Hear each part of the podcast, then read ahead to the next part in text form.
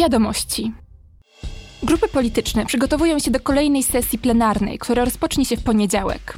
Europosłowie będą omawiać wyniki jutrzejszego specjalnego szczytu Unii Europejskiej z przewodniczącym Rady Charlesem Michelem i przewodniczącą Komisji Ursulą von der Leyen. Szczyt będzie dotyczył przede wszystkim długoterminowego budżetu Unii oraz pomocy dla Ukrainy.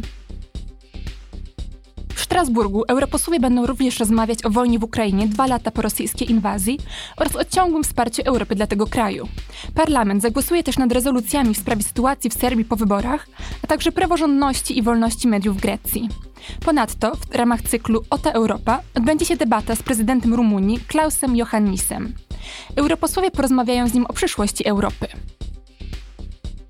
Podczas sesji plenarnej europosłowie będą debatować o nowych przepisach o roślinach uzyskiwanych za pomocą nowych technik genomowych.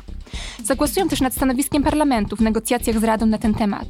Ponadto odbędzie się debata i ostateczne głosowanie w sprawie płatności natychmiastowych w euro.